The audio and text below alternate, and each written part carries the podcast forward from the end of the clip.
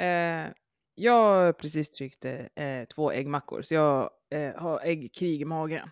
Är du lite röd om näsan också? Det är otro... Nej, men det är för att jag är kall. Okej, okay, ja. Jag har inte tinat upp än. Nej. Men eh, det gick lite fort med ägg. Det är så himla gott vet, när man har rostmacka, smör, ägg, lite mild kaviar och så bara blandas allt det där och så kommer saltet från smöret och sötman från ägget och så det bara... Mm! Och så gick det lite fort.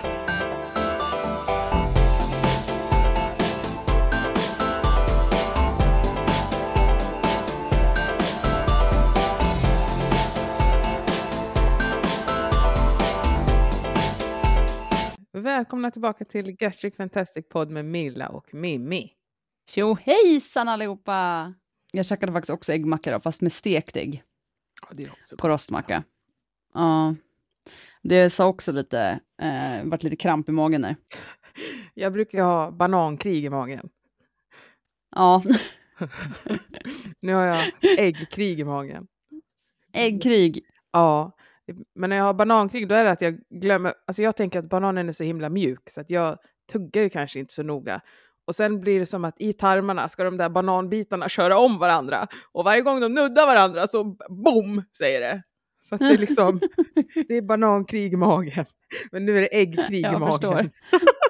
Det är som en trafikolycka där inne. Ja, varje gång liksom. Och så blir det bara banansmet av alltihopa. Nej, det är fantastiskt. Men så här Milla.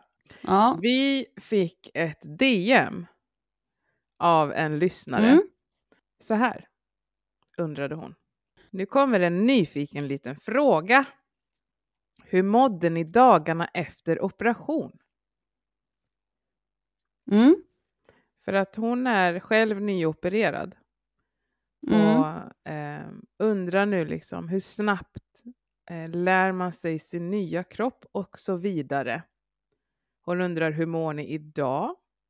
Känns det normalt att vara den nya variationen av er själva? Och hur fungerar det med träning?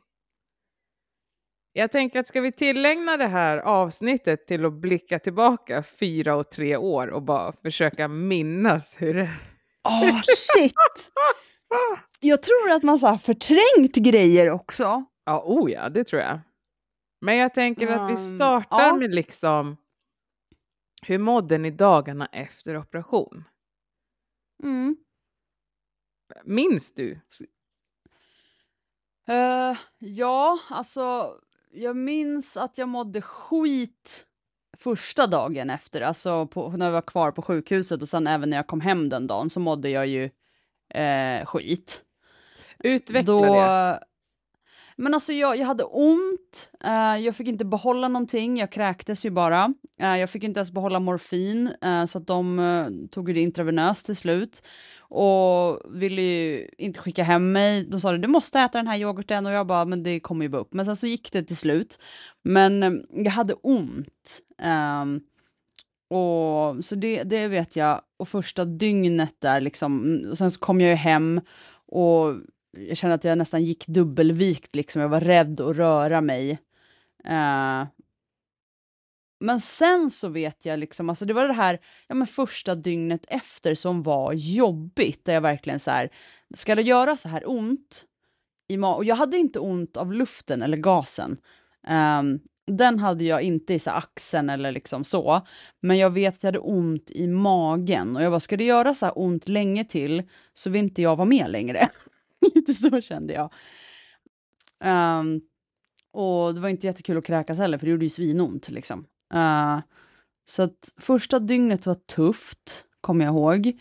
Uh, men sen alltså, var det, gick det ju bra. Alltså, jag mådde nog oförskämt bra, tror jag. Uh, men det var ju konstigt med liksom hur det kändes i kroppen när man åt. och sådana saker. Det vet jag att jag liksom var så här, om man, man satt ju där på sina halvtimme, 40 minuter och få i sig bara liksom inte ens en deciliter. Och jag kommer ihåg att vara så här, herregud, det här är ju helt absurt. Ska det ta så här lång tid? Och jag kommer ihåg att det liksom nästan vände sig ibland och bara, jag är så mätt nu så att jag inte riktigt vet vilket ben jag ska stå på. Och det vart så här, och då kanske man bara hade ätit inte ens, och du vet att jag hade kämpade med att få i mig det jag skulle få i mig. Um, för de var så här, två deciliter, jag bara, men alltså på riktigt, jag bara, hur ska det ens gå till liksom? Eh, och i början vet jag, jag tänkte så här, två deciliter, vilket skämt. Så jag bara, det lär jag ju slurka i mig på 30 sekunder, men det gjorde jag inte. Nej men så att jag mådde bra, tror jag. Uh, som sagt, förutom första dygnet. Um, för jag åt ingen morfin när jag kom hem. Um, tog bara Alvedon vid behov. Uh, så att ja, lite svårt att sova var det dock, för jag är en eh, sova på mage-människa. Så det uh, tyckte jag var tufft och min sömn är lite helig, så det tyckte jag var jobbigt. Att uh, inte kunna ligga som jag ville. För att agrafferna spände då om jag låg på magen, det var ju det som var, var problemet. liksom. Uh, så då försöka ligga på sidan och på rygg, då sover inte jag så bra. Så att, men ah, nej, annars så tror jag att jag bodde ändå oförskämt, oförskämt bra ändå. Uh, eller så mådde, alltså jag, vet, jag kan ju bara reflektera över mig själv, jag tyckte att jag mådde bra. Eh, sen vet jag inte hur, hur eh, snittet är, hur man mår, men jag tyckte jag mådde bra. Hur mådde du? Alltså, jo, jag, alltså jag kommer ihåg att jag vaknade och var så jävla hög. Liksom. Ja. Eh, eh, och, och jag var inte, jag hade inte ont heller. Alltså jag sov ju på mage på sjukhuset. Jaha. Eh, ja, mm. ja. Fan. Men sen höll jag ju på att kväva mig själv med alla slangar och grejer som skulle vara liksom överallt. Men de lät mig liksom vara egentligen när jag låg där och sov på mage och så här. Och jag, jag hade inte ont, men jag kände av gasen i axlarna väldigt mycket. Så att jag använder ju den där blåspipan hela tiden för att försöka liksom få, få tillbaka lungkapacitet och allting och, och, försöka alltså blåsa ut. Sen vet jag inte om, om det är något man faktiskt gör med att blåsa ut gasen. Men jag vet att när jag andades i den här pipan så gjorde det extremt mycket ondare i axlarna än när jag inte använde den. Så jag tänkte att det här är ju bra. Men eh, ingen, ingen liksom smärta och jag vet att jag tänkte hela tiden att jag också sådär, vadå var, var det inte mer liksom? Utan det var mer att man hade en sån här äh, träningsverkskramp i absen. Liksom. Alltså man, man, jag man kände att någon har varit inne och gjort något i min mage. Men det var inte smärta, det var mer alltså, trötthet och krampaktighet. Liksom. Um, och sen så var det ju det här äh, när jag äh, åt. Så kände, jag kände ju efter.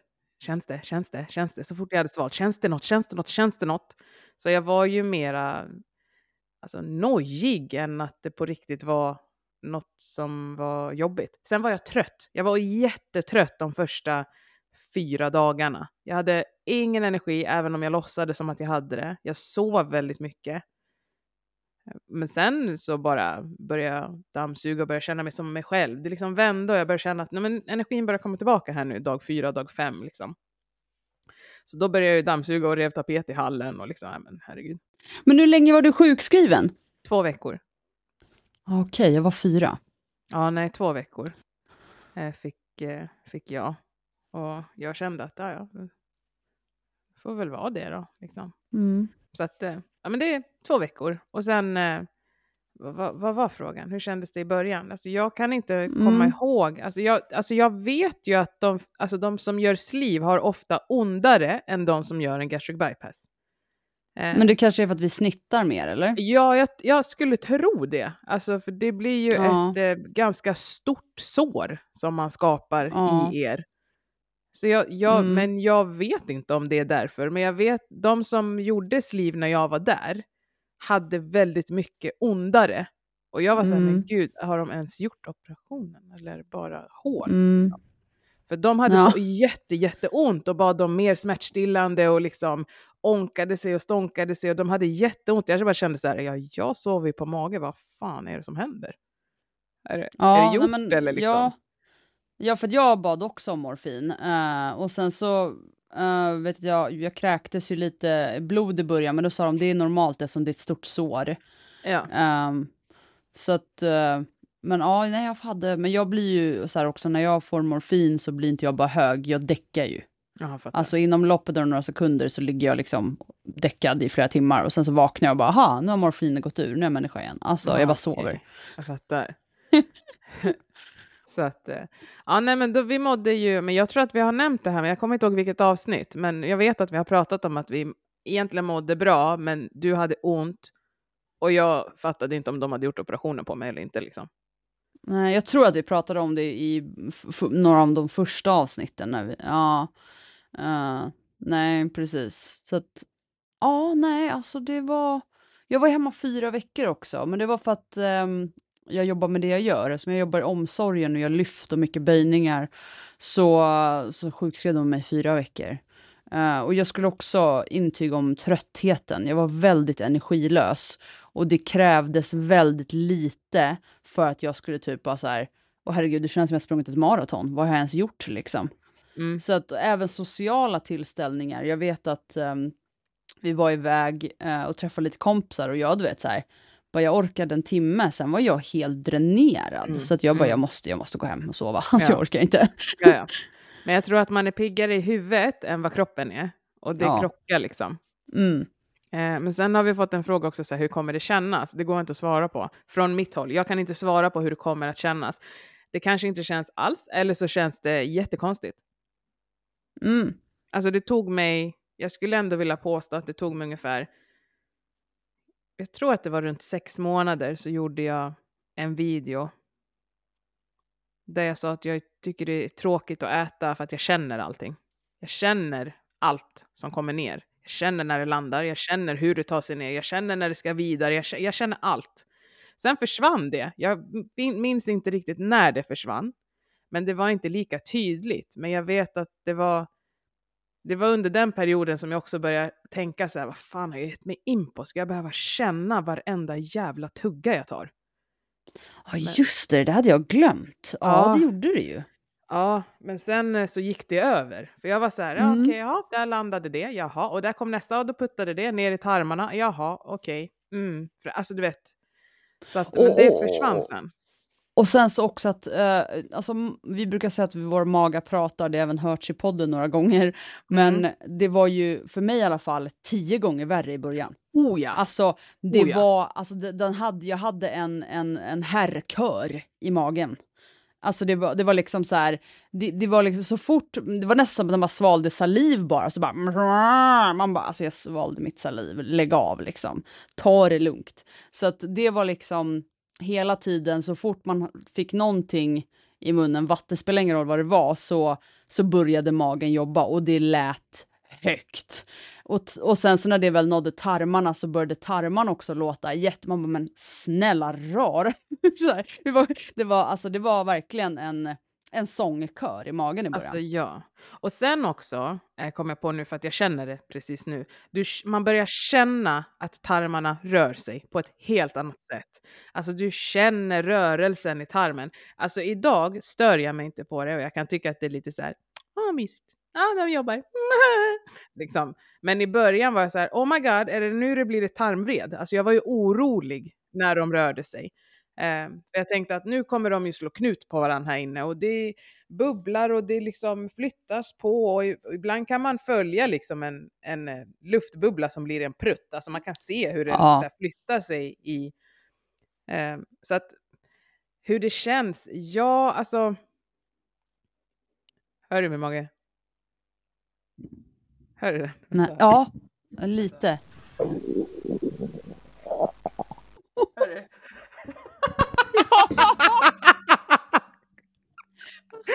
På Så tal om det, alltså det är verkligen så här. Ja, och jag som ändå också opererade bort eh, en del av magsäcken, då, Ja. då, kän, då var känslan också att det kändes som att det var så mycket plats. Ja, fattar. Ehm, så att på så här, det är så svårt att förklara, men helt plötsligt kändes det att man hade en det var tomt där inne och därför var det som att eh, nu är tarmarna några typer, de är inte ihoptryckta ormar i en korg, de kunde liksom eh, röra sig fritt. Och, och jag vet att vi båda också pratade om det här eh, när man får en eh, fis i kläm eller en bubbla i en ficka. Det har inte jag fått nu på länge, men satan i gatan vad ont det gör. Alltså, och det måste ju vara för att tarmarna alltså har mer frihet eller något. För att när den där luftgrejen hamnar i en ficka och det känns som att man dör och sen kan man flytta på den där bubblan. Man kan liksom följa den och då får man ont i höger sida och sen så börjar du trycka på höger sida och så kan du trycka den bort till vänster och så får du ont på vänster sida. Så jag, jag tror att det är jättesvårt att förklara hur det känns. Eh, men det känns inte som det har... Jag har inte ens tänkt på att jag har tarmar. Nej, exakt, exakt. Alltså jag, det är så här, ja, där tarmarna där inne någonstans. Jag, jag är otroligt medveten om att jag har tarmar idag. alltså, Ja. Ja. Så att, ja. Och nu låter min mage, jäklar alltså, nu kom ägg, ägget kom ner här, nu har äggkrig i magen, nu bonkar de Nu är det krig, inne. ja. Nu är det krig. Ja, ja. Nej, men så att eh, jag, jag tror att någonstans så tror jag också att allt, alltså du kan inte få ett facit på hur det kommer att bli. För du behöver gå igenom obehaget för att lära dig vad du och din kropp och din mage tål och tolererar. Alltså att följa någon annans facit blir fel. Och jag tror att det är en del av livsstilsomställningen att få känna att det är annorlunda och att kanske till och med vara lite rädd för det. Alltså jag, jag, tror, jag tror att man behöver det, för att om du på riktigt vet exakt vad som kommer hända så kanske du inte... Alltså om du vet exakt, jag vet inte hur jag ska förklara, men om du vet exakt vad som ska hända, då kommer du ju inte ta några egna initiativ till att förbättra någonting. För du vet redan exakt vad som ska hända. Jag kan inte formulera det riktigt rätt, men jag tror att ni fattar vad jag menar. Ibland är det unexpected det som är det bästa. Ja, och jag tänker man är kanske lite mer försiktig också om man, inte, om man Mm. inte vet vad som komma skall, så att säga. Ja, och då hinner man ju bli van och lära sig också och, och bli kanske Mm. lite nyfiken på hur kan jag forma det här till mig. Så jag, jag tror att det är bra att man är lite, att det inte går att berätta allt, utan att man måste få upp- uppleva och lära och leva i det faktiskt. Ja men precis, för känslan alltså, i kroppen den är så svår också för oss att beskriva och sen så är den ju olika från alla liksom. Så att, Ja. eh, men det, det är våran, våran sanning är det vi berättar nu liksom. Eh, sen någon annan sanning är någon annans. Så är det ju. Och det här hur snabbt lär man känna sin nya kropp och så vidare. Alltså jag vet att jag hade ett hum om min kropp runt sex månader. Jag var totalt lost efter ett år.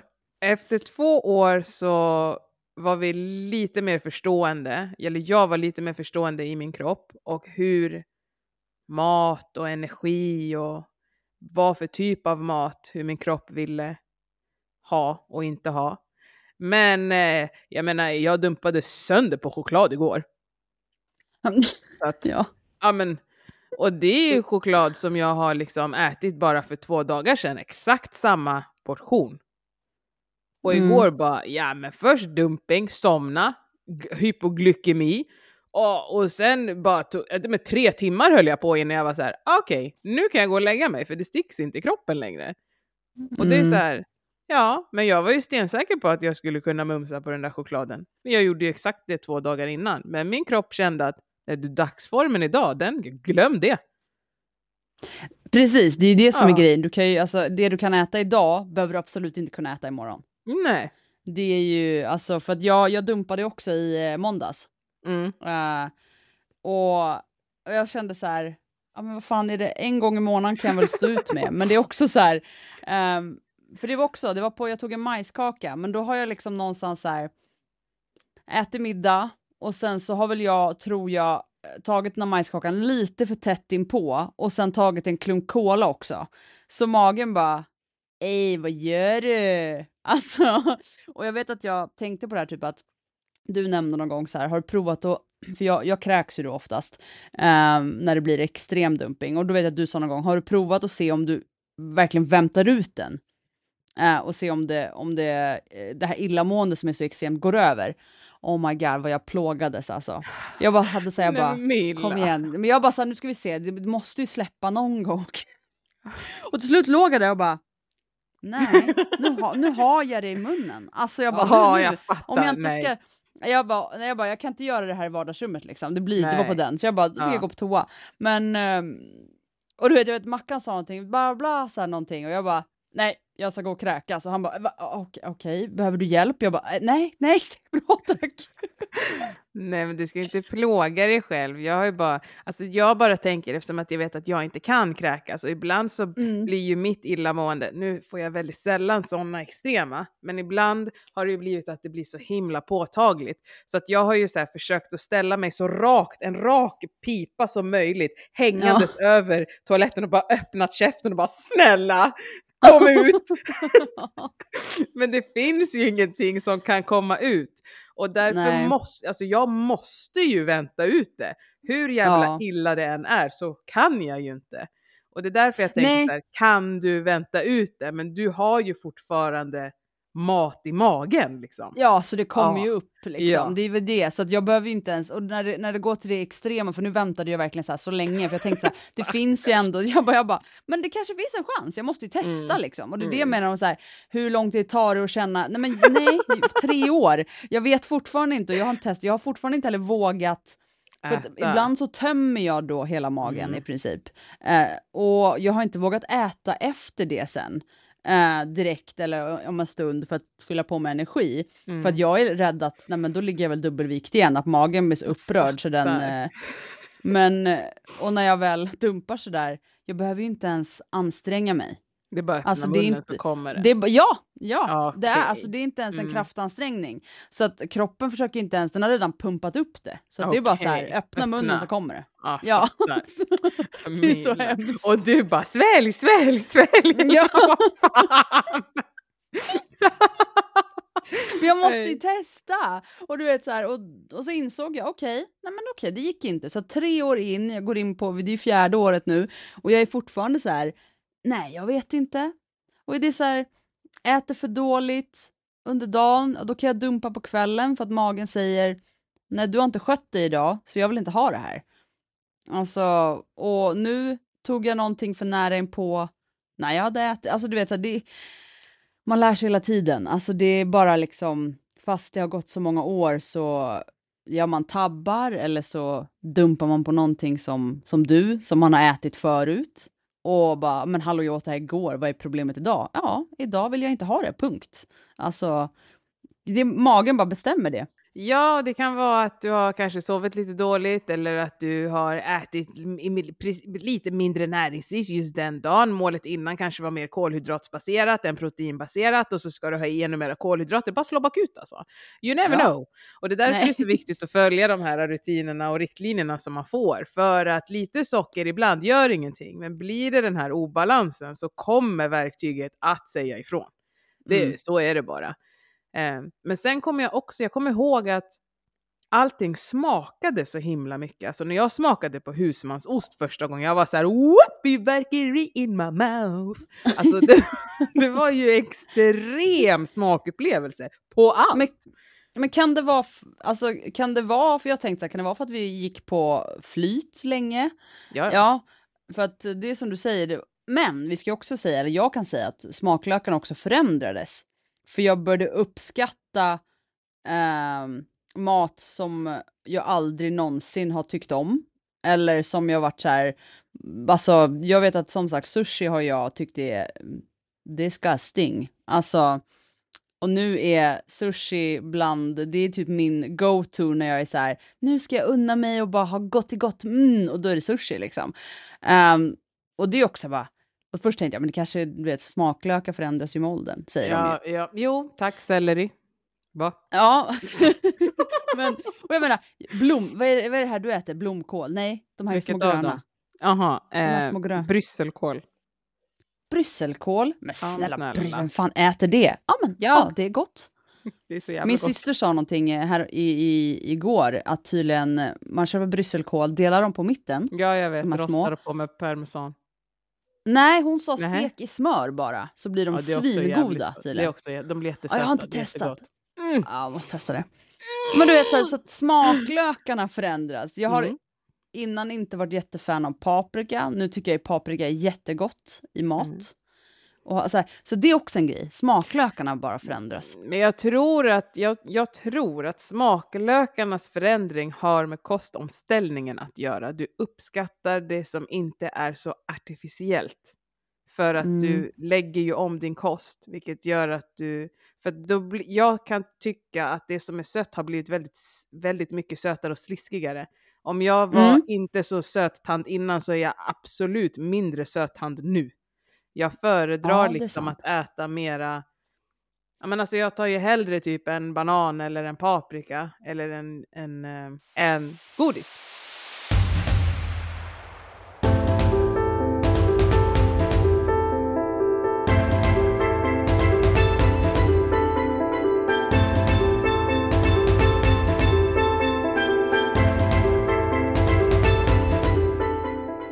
Jag tar alltid hellre en finsk pinne än en banan. Finsk pinne är de där kakorna. Ja. Med mandel på, nej? Ja. Ja, Nom nom. säkert. Jag har ingen aning. Kan äta dem. Vi äter dem utanför sjukhuset Milla. Nej men... Mimma har fått en mission att hon ska typ, ja, vi vet inte, sätta mig utanför akuten och testa nötter, för hon tror inte riktigt att jag på riktigt är allergisk. Jag tror dig. Men det var väl Men- jordnötterna vi skulle testa. För det var ju ingen nöt. Nej, precis. Det. Här har du en Snickers. Kom så åker vi till SÖS. Nej, jättehemskt. Nej, men eh, jag, jag, jag tror att det är en sån kombination där. Att eftersom att vi äter mindre sött så Mm. blir naturlig sötma i mat mer uppskattad. För det är inte någon som jag har träffat som i alla fall de första typ fyra veckorna äter någonting, alltså artificiellt godis, choklad, något sånt. Man kanske vänt, alltså det är många som väntar ganska länge och då hinner ju smaklökarna ställa om med det du får i. Så att det som du tidigare har tyckt är jättebäst är inte lika bäst längre. Nej.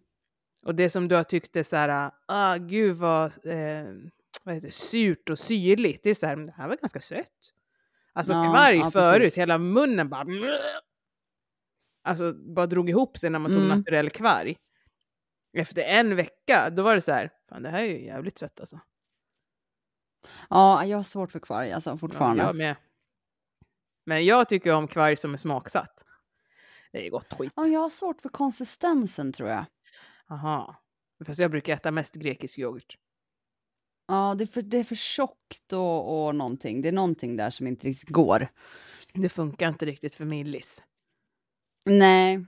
Nej, men så det är väl det om man ska säga vad, alltså, hur vi har mått och hur det har känts och om vi har lä- hur lång tid det tog att lära oss. Vi lär oss fortfarande. Ja, det gör vi. Sen vi, har man ju Ja. mer koll. Alltså, Ja. det är ju liksom dagligen som folk tycker att jag ska laga mat med grädde i. Jag är så här, nej. Nej.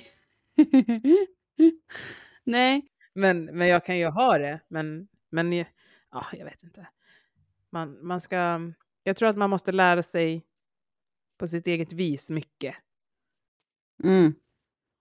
Ja men så är det och testa vad som, eh, alltså som sagt jag är ju, har ju grädde i allt i princip, matlagsgrädde, medan Mimmi inte har det. Men vi är ju också två helt olika individer och också två helt olika operationer. Och det är så här, vad som funkar för mig behöver inte funka för någon annan. Och mm, man gör det bästa av sin egen situation Exakt. så att säga. Och våga liksom testa, men testa, alltså, det är ju något som jag vill ändå säga, så här, testa försiktigt. Ja, Ehm, för när dumpen väl kommer i början, mm, den är fan inte rolig alltså. Alltså första vidrig, gången alltså. man får dumping så tror man ju att man ska spy och skita på sig och dö. ja, Men du kommer inte göra det. nej. Jo, spy kanske, men Ja, spy kanske, men du kommer inte dö. Däremot så är det jätteviktigt att om du får magsmärtor så ringer Mm. du till eh, 1177 och berättar att du är magsäcksopererad och har magsmärtor. Punkt slut bara. Mm. Eller till din opererande klinik.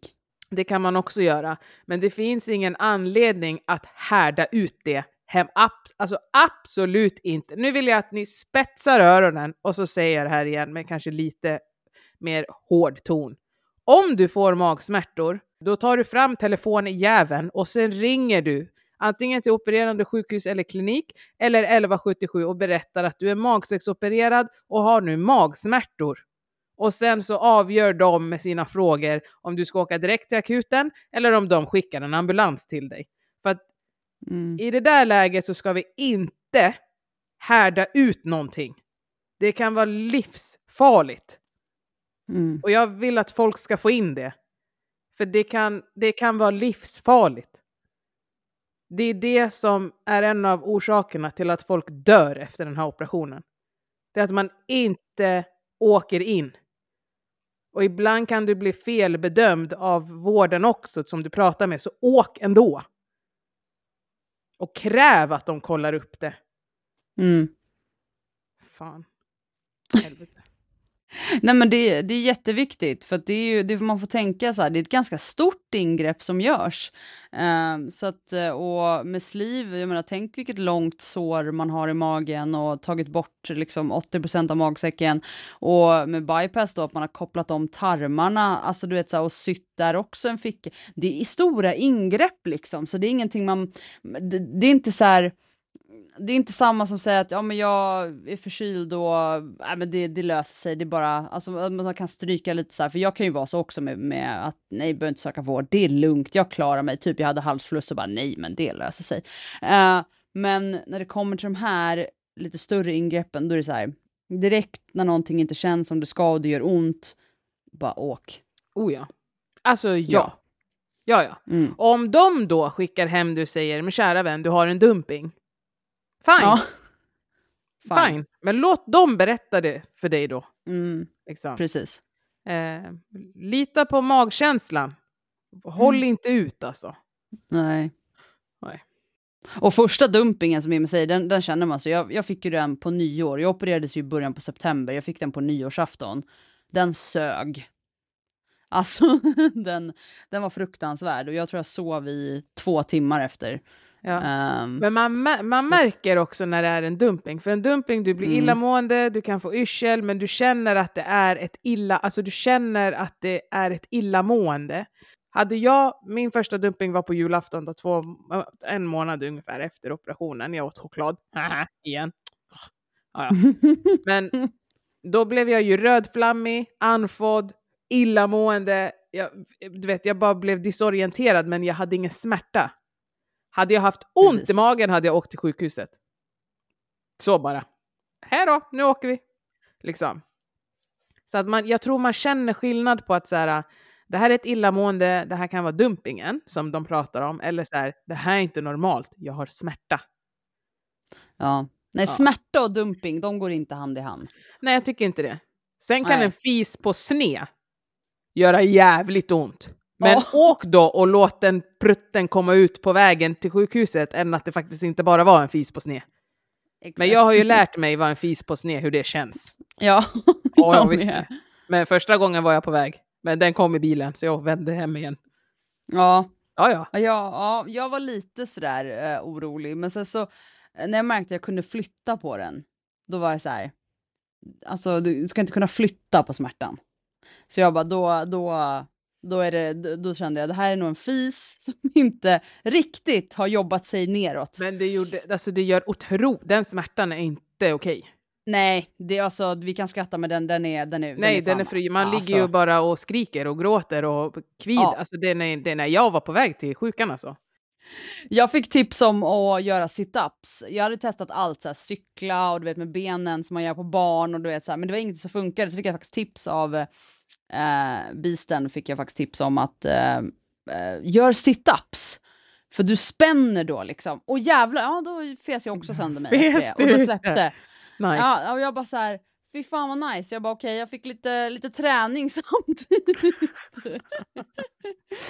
Så det var det enda som funkade, så det, det uppskattar jag det tipset. För att eh, jag har legat liksom och vridit mig och tryckt och mm, gjort cykel med benen och bara att det är ingenting som funkar. Jag bara det här, det är bara att vänta ut den här jäveln. Men sit-ups funkar, så testa det om ni får en fis på sned. fattar. Och träning, det tänker jag, det har vi snackat om. Det har vi faktiskt ett eh, avsnitt där vi pratar om, om just eh, träning. Och i det avsnittet då, avsnitt 5, säsong 1, eh, där pratar vi om vad träning har betytt för oss och hur vi hanterar träningen idag. Sen kan ni också lyssna på avsnittet med säsong 3, avsnitt 43, har vi ett, eh, ett avsnitt med Dr. Daniel Berglind där vi pratar om eh, folkhälsovetenskap och folkhälsa i allmänhet, därav också träning. Det tycker jag ni kan lyssna på. Ja, men där har ni i alla fall två avsnitt då, eh, där ni kan eh, eh få lite extra tips och tricks om träning och, och hur vi ja, har liksom anpassat vår träning och så vidare. Och sen som Mimmi säger, lyssnar ni, har ni lyssnat ända fram hit så, så vet ni allt. ja, men alltså seriously, då vet man allt alltså. Ja, ja. Men det är jättekul att få så här, frågor och grejer på Instagram. Det som är svårt är ju att alltså svara på ett DM. För det är liksom, då ska man svara med kanske tio meningar vad fyra år har inneburit. Det går ju ja. inte. Nej. Nej, men sen är ju då frågan, hur mår vi idag? Känns det normalt att vara den här variationen av oss själva? Ja, alltså det pratade vi lite om för något avsnitt sen. Alltså det här med att man kanske har börjat... Eh,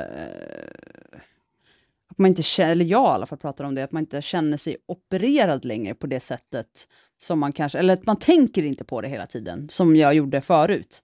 Att nu känns mer, allting mer naturligt och man vet hur man ska äta och leva hyfsat tills man dumpar.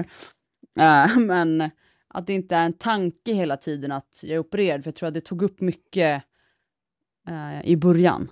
Mm. Nu är det mer en del av mig och min vardag och det är inget konstigt och det kommer av sig själv. Liksom. Det är en naturlig sak. I början var det inte naturligt för att jag har levt ett helt annat liv i 30 år. Så att det var att ställa om och till någonting som absolut inte för mig, det var ju okännbart. Jag visste ju, alltså, så att, men nu börjar det här vara så här, men det här har jag gjort jättelänge nu, eller? Nej, just det, det hade jag kanske inte gjort. Så nu har det börjat kännas som en, äh, naturligt. Men eh, då är jag på år tre, eller inne på år fyra. Men eh, jag skulle säga att det kommer alltså, det är en fortsatt, fortsatt resa, även om det känns naturligare så är det någonting jag måste tänka på ändå Alltså typ när det kommer till dumping och sådana saker. För jag menar, jag kan inte bara uh, släppa och tro att jag kan trycka vad som helst. För att det, det kommer konsekvenser, alltså det gör det. De är inte lika tydliga längre, men när de väl kommer, då kommer de med som en jävla atombomb och du ångrar dig och du ber om ursäkt. Jag brukar ju liksom gå högt och be om ursäkt för mitt beteende till min mage. förlåt, förlåt, jag ska aldrig göra om det där. Förlåt, jag menar inte det där. Och jag vet att Mackan brukar säga... säga aldrig. Nej, och Mackan brukar säga så här, måste du prata så här högt? Grannarna kommer tro att du liksom ber mig om ursäkt. Det här låter inget bra liksom. jag fattar. Så att, eh, ja, så det skulle jag säga. Ja. Eh, ja, jag håller med. Alltså, det har ju blivit, det har blivit en eh, rutin Mm. Sen är det ju lite grann något som jag vet att jag tänker på på ett annat sätt än en annan som inte har en minimage. Det är ju om någon säger så här, ja ah, men kom vi går på buffé, den kostar bara 399. nej. Alltså jag betalar inte 399 för 3 deciliter. Alltså nej. alltså nej. Och jag kommer ändå inte kunna dricka någonting där heller. Vad menar du? Alltså nej. Liksom. Och folk kan vara så här, men vadå det är jättebra pris för buffé. Nej det är det inte! Alltså det är jättemycket pengar. Så att, alltså, så, i, i, den aspekten så har jag blivit lite grann så här att jag tittar också på priserna och tänker, vad ska jag betala för det jag vet att jag kommer äta? Så där är jag väldigt medveten om att jag är inte, det har inte egentligen att göra med att jag är opererad, det har att göra med att jag idag ser mig själv som liten i maten. Jo, men alltså, som du säger, 400 för en buffé, ja, jättebra pris, så fint så. Men det är så här, för oss Nej. är det över 100 kronor per deciliter. Exakt. och det är liksom inte så här ostron eller du vet så här tryffel vi snackar om då. Nej, exakt. Nej, illa. Ja, alltså nej. Så att, eh, nej men lite sånt kan jag tänka på. Sen så kan jag ibland, eh, jag kan ibland, men det har ju mer med livsstilen tror jag, i kombination med att jag inte kan äta sånt. Men när jag kanske är på möten eller om jag blir bortbjuden och det är typiskt så kalas. Alltså jag har ju blivit medveten om hur mycket eh, gott man ställer fram. Och jag har ju Mm. blivit medveten om det för att jag inte kan äta det. Mm. Så jag har blivit medveten om, bara gemene man i det här landet, hur lite varierat man äter när det ska Mm. bjudas på någonting. Det är ofta mycket som är väldigt sött som jag inte då kan äta. Mm. Alltså, och väljer jag att äta det så äter jag väldigt, väldigt lite av det. Vilket Mm. jag ibland kan tycka blir jobbigt. För då ska man titta på min och bara så här, mhm, en sån liten slice typ. Ja, men du tränar och sånt. Ah, Okej. Alltså att det Ja, det blir... så, ja, för jag tänker på det så här, det är mycket så här kakor, varför kan man inte, alltså, så här, ostbricka och lite kex hade ju varit så naturligt också att ställa fram på en sån grej. Alltså, men det gör man ju inte. Nej, för det är kalas. Och då ska det vara saft och bullar och kakor och... Alltså det är ju sån eh, kultur bara. Alltså det är Jag vet, kultur. men det hade ju varit ändå sett naturligt ut också om du hade ställt fram ost och kex. Och lite vindruvor, så hade det också varit jättefint. Ja, Ja, ja, men så att det, det är sånt har jag ju märkt att för att jag själv inte äter det. Men jag vet ju inte om det har att göra med att jag är opererad. Eller alltså på ett sätt har det ju det för att jag har gjort om livsomställningen.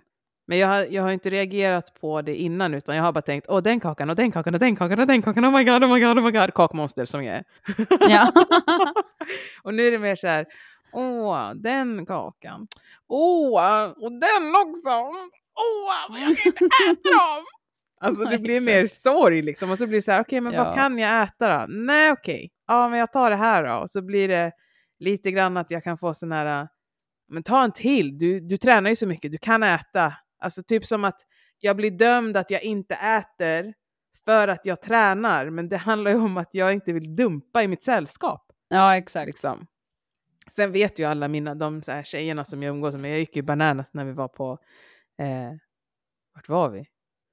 Var vi på operan? På deras thai-buffé där eller något så här asiatiskt. Ja. Jag tog ju varenda jävla kaka de hade på det där dessertbordet och så sa jag så här, jag kommer må så jävla dåligt i 45 minuter nu, ha det bra! Och så smakade jag på allt.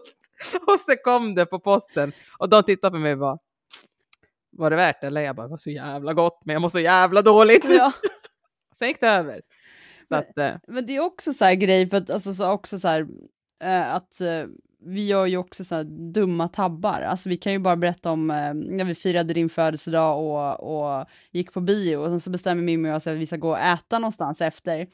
Eh, och vi båda väljer maträtter som vi typ vet omedvetet att vi dumpar på. Alltså du vet, så här, hon väljer en jättesåsig rätt och jag väljer nudlar. Och sen när vi sitter där och äter och tittar på varandra, Mimmi bara jag mår lite dåligt och jag bara jag med. Så här, och, så, och så blir det så här, ska vi betala och gå? Ja, jag mår illa.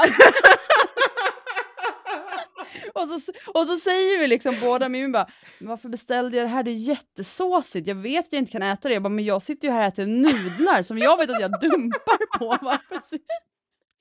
Så det är så här, då har hjärnan bara gått så här, gud det där lät jättegott, vi tar det. Och, och sen så efteråt bara, hur dum i huvudet får man lov att vara? Alltså du vet. Men det är crazy.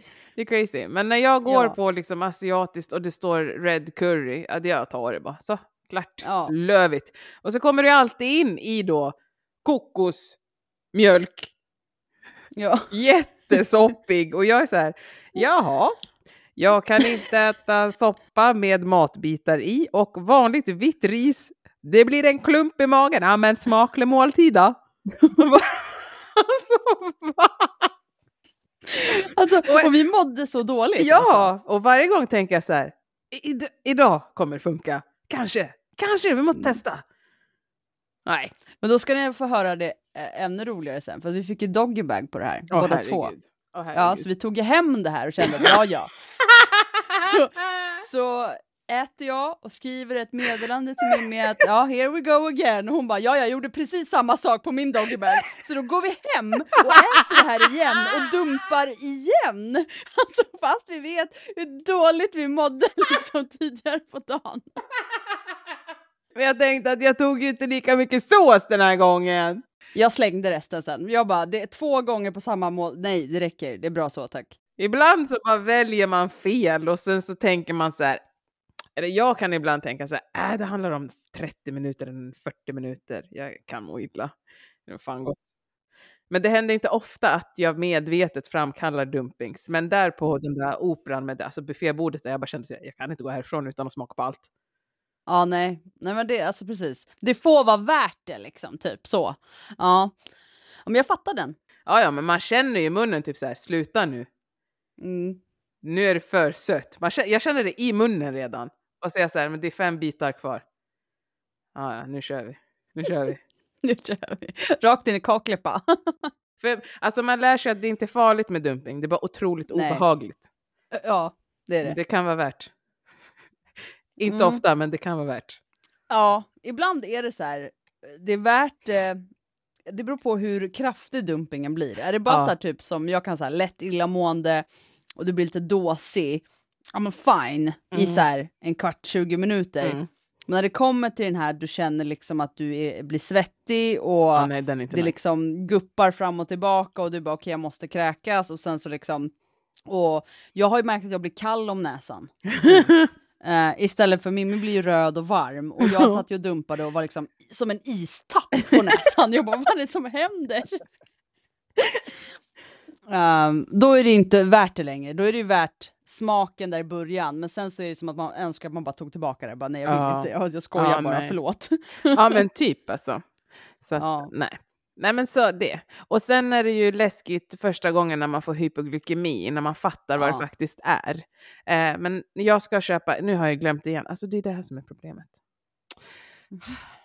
Glömmer köpa Dextrosol, alltså druvsocker. Ja. Mm.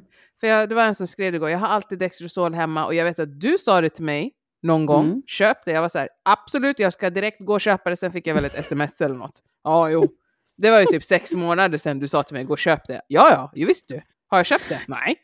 Jag har det i träningsväskan, för det är oftast där det kan bli ett problem. Ja, det var en som skrev, jag har det i varje rum i hela Ja. lägenheten. Ja. Och jag var så här, ja men vad fint att du har kommit ihåg att köpa det då. Du har ju inte ADHD. Exakt. Ja, nej. Nej men jag Nej, men glömmer ju ja. saker så snabbt så att jag måste skriva in det i min... Jag gör det på en gång här för annars kommer jag glömma. Men jag vet att- inte, alltså, här, glömmer du eller är det bara att det sorteras bort? Jag tror att det sorteras... Så här, exakt, så här hände idag. Ja. Ti- Nej men vänta! Titta nu vad som hände. Märkte du nu vad som hände Ja, precis här nu? Jag har lagt ifrån mig telefonen utan att skriva in. Jag tog ju upp den för att jag skulle skriva in någonting. Ja. Sen ställde du en fråga. ja. Så jag... Da, var, nej, nej. Glömde jag eller sorterade jag bort det?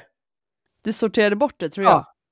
För jag, skulle, jag tog ju upp telefonen, Ja. skulle skriva in det. Du ställde en fråga och jag lägger ifrån mig telefonen utan att ha slutfört uppgiften. Mm. Du, så, du valde vad vi var viktigast där. Det var att svara på det här, för du var väldigt exalterad och bara vänta, stopp, jag ska berätta en sak. Ja, för jag kom på vad som hände på jobbet. Och det var Ja. ju att, att jag skulle skriva ut eh, fyra stycken papper för vi skulle ha en work, eh, workshop. Mm. Sen kom en av dem eh, som jag hade eh, bett komma och jobba idag. Hon kom in och sa hej, jag är här nu. Vart var det köket? Ja. ja, men kom ska jag visa dig. Och sen gick jag. Och sen när jag kom ner på mötet hade jag inga papper med mig. Jag var så här, men vad fan, jag skrev ut dem. Nej, det gjorde jag inte. För hon kom och distraherade mig när jag skulle trycka på skriv ut. Så att jag tror att det är att när jag är hyperfokuserad, om du bryter min koncentration där, då har jag glömt bort vad jag var hyperfokuserad på eller sorterat bort det. Jag, det ja, så det... Ja, men det hjärnan kan inte hålla de här två sakerna bredvid varandra. Det blir så här, okej, men det här känns viktigare nu, så då kastar vi det där bak. Och sen så blir det så här, ja, men vad var det nu jag sorterade bak? Vänta, Nä, stopp. Alltså, det så. behöver, nej, jag tror inte att det behöver vara att det är viktigare. För ibland så kan det vara att jag gör någonting som har en deadline till liksom, alltså HK. Och min kollega kommer och säger så här, du, ska jag hänga röd trosa bredvid rosa trosa eller gul trosa bredvid röd trosa? Va? Och så går jag ut med henne till butiken. För att vi ska kolla på vilket som blir bä- Alltså den där röda trosan är inte viktigare än deadline till HK. Nej, det är sant. Det är sant. så att jag tror bara att det, mitt fokus blir att någon har typ skiftat det, så, så, så tappar jag tråden. Men det är inte att jag vill tappa det som är viktigt. Det är därför också så här, jag har på spisen och ugnen och sen plingar min telefon. Det ska bränna ner huset för ett sms. Vad, med, va? Men skriv upp det nu då. Vad för något? Va? Spisen? Skriv den är- in i Ja, telefonen. just det! ah! Snälla! Jag trodde att du menade något med ugnen. Det är så kul att du, vi sitter och har en hel radda om hur din hjärna fungerar och du bara va? Spisen? Jag bara nej du måste komma ihåg att skriva in det där i telefonen. ah, just det. Dextrosol var det. Nu ska vi se, jag sätter ett Ja. alarm. Jag sätter ett alarm med Dextrosol här till imorgon. Det var verkligen så här Mimmis hjärna live. Alltså ja. det där var... Förstår du då hur jobbigt det är ibland för mig att koncentrera mig på saker? Ja, ja men det kan jag eh, förstå ändå. Alltså faktiskt, som mina när jag ska berätta en historia som blir jättelång. Jag fattar. Alltså det Mm. blir nog svårt att sortera liksom. Ja, för det kan ju vara också att jag lyssnar på allt som du säger och sen hoppar Mm. du. Ja. Och, då, och då tappar jag ju vart... Och då blir jag så här, men gud, har jag, har jag inte lyssnat på någonting hon har sagt? Ska jag börja lyssna nu eller? Ja, där är vi så här, jag måste ju, min hjärna vill ju hoppa för att jag kommer på att jag måste lägga till det här för att det har ju ändå en liten relevans till det här fast egentligen kanske det inte har det och då har, Mimmi, ta- då har jag tappat Mimmi liksom. Ja, men jag har ju en tendens att hoppa också. Men jag hoppar ju mellan helt olika saker. Jag, ja, ja, du, du är ju mer så, så att jag får liksom så här, vad pratar vi om nu? Och sen så blir det så här, okej, jag låter den sen så bara, sen så typ när du, vi har, då har vi haft liksom fem olika samtalsämnen som vi sen hoppar mellan, liksom. Ja, herregud. Jättebra. Uh, prata lite om gamla minnen och dumpings och annat tjofräs. Ja. Men ja, det var veckans avsnitt. Mm. Så tack för att ni har lyssnat, även denna onsdag. Tack, tack. Och så hörs vi igen nästa vecka. Det gör vi! Ha det bra! Hej!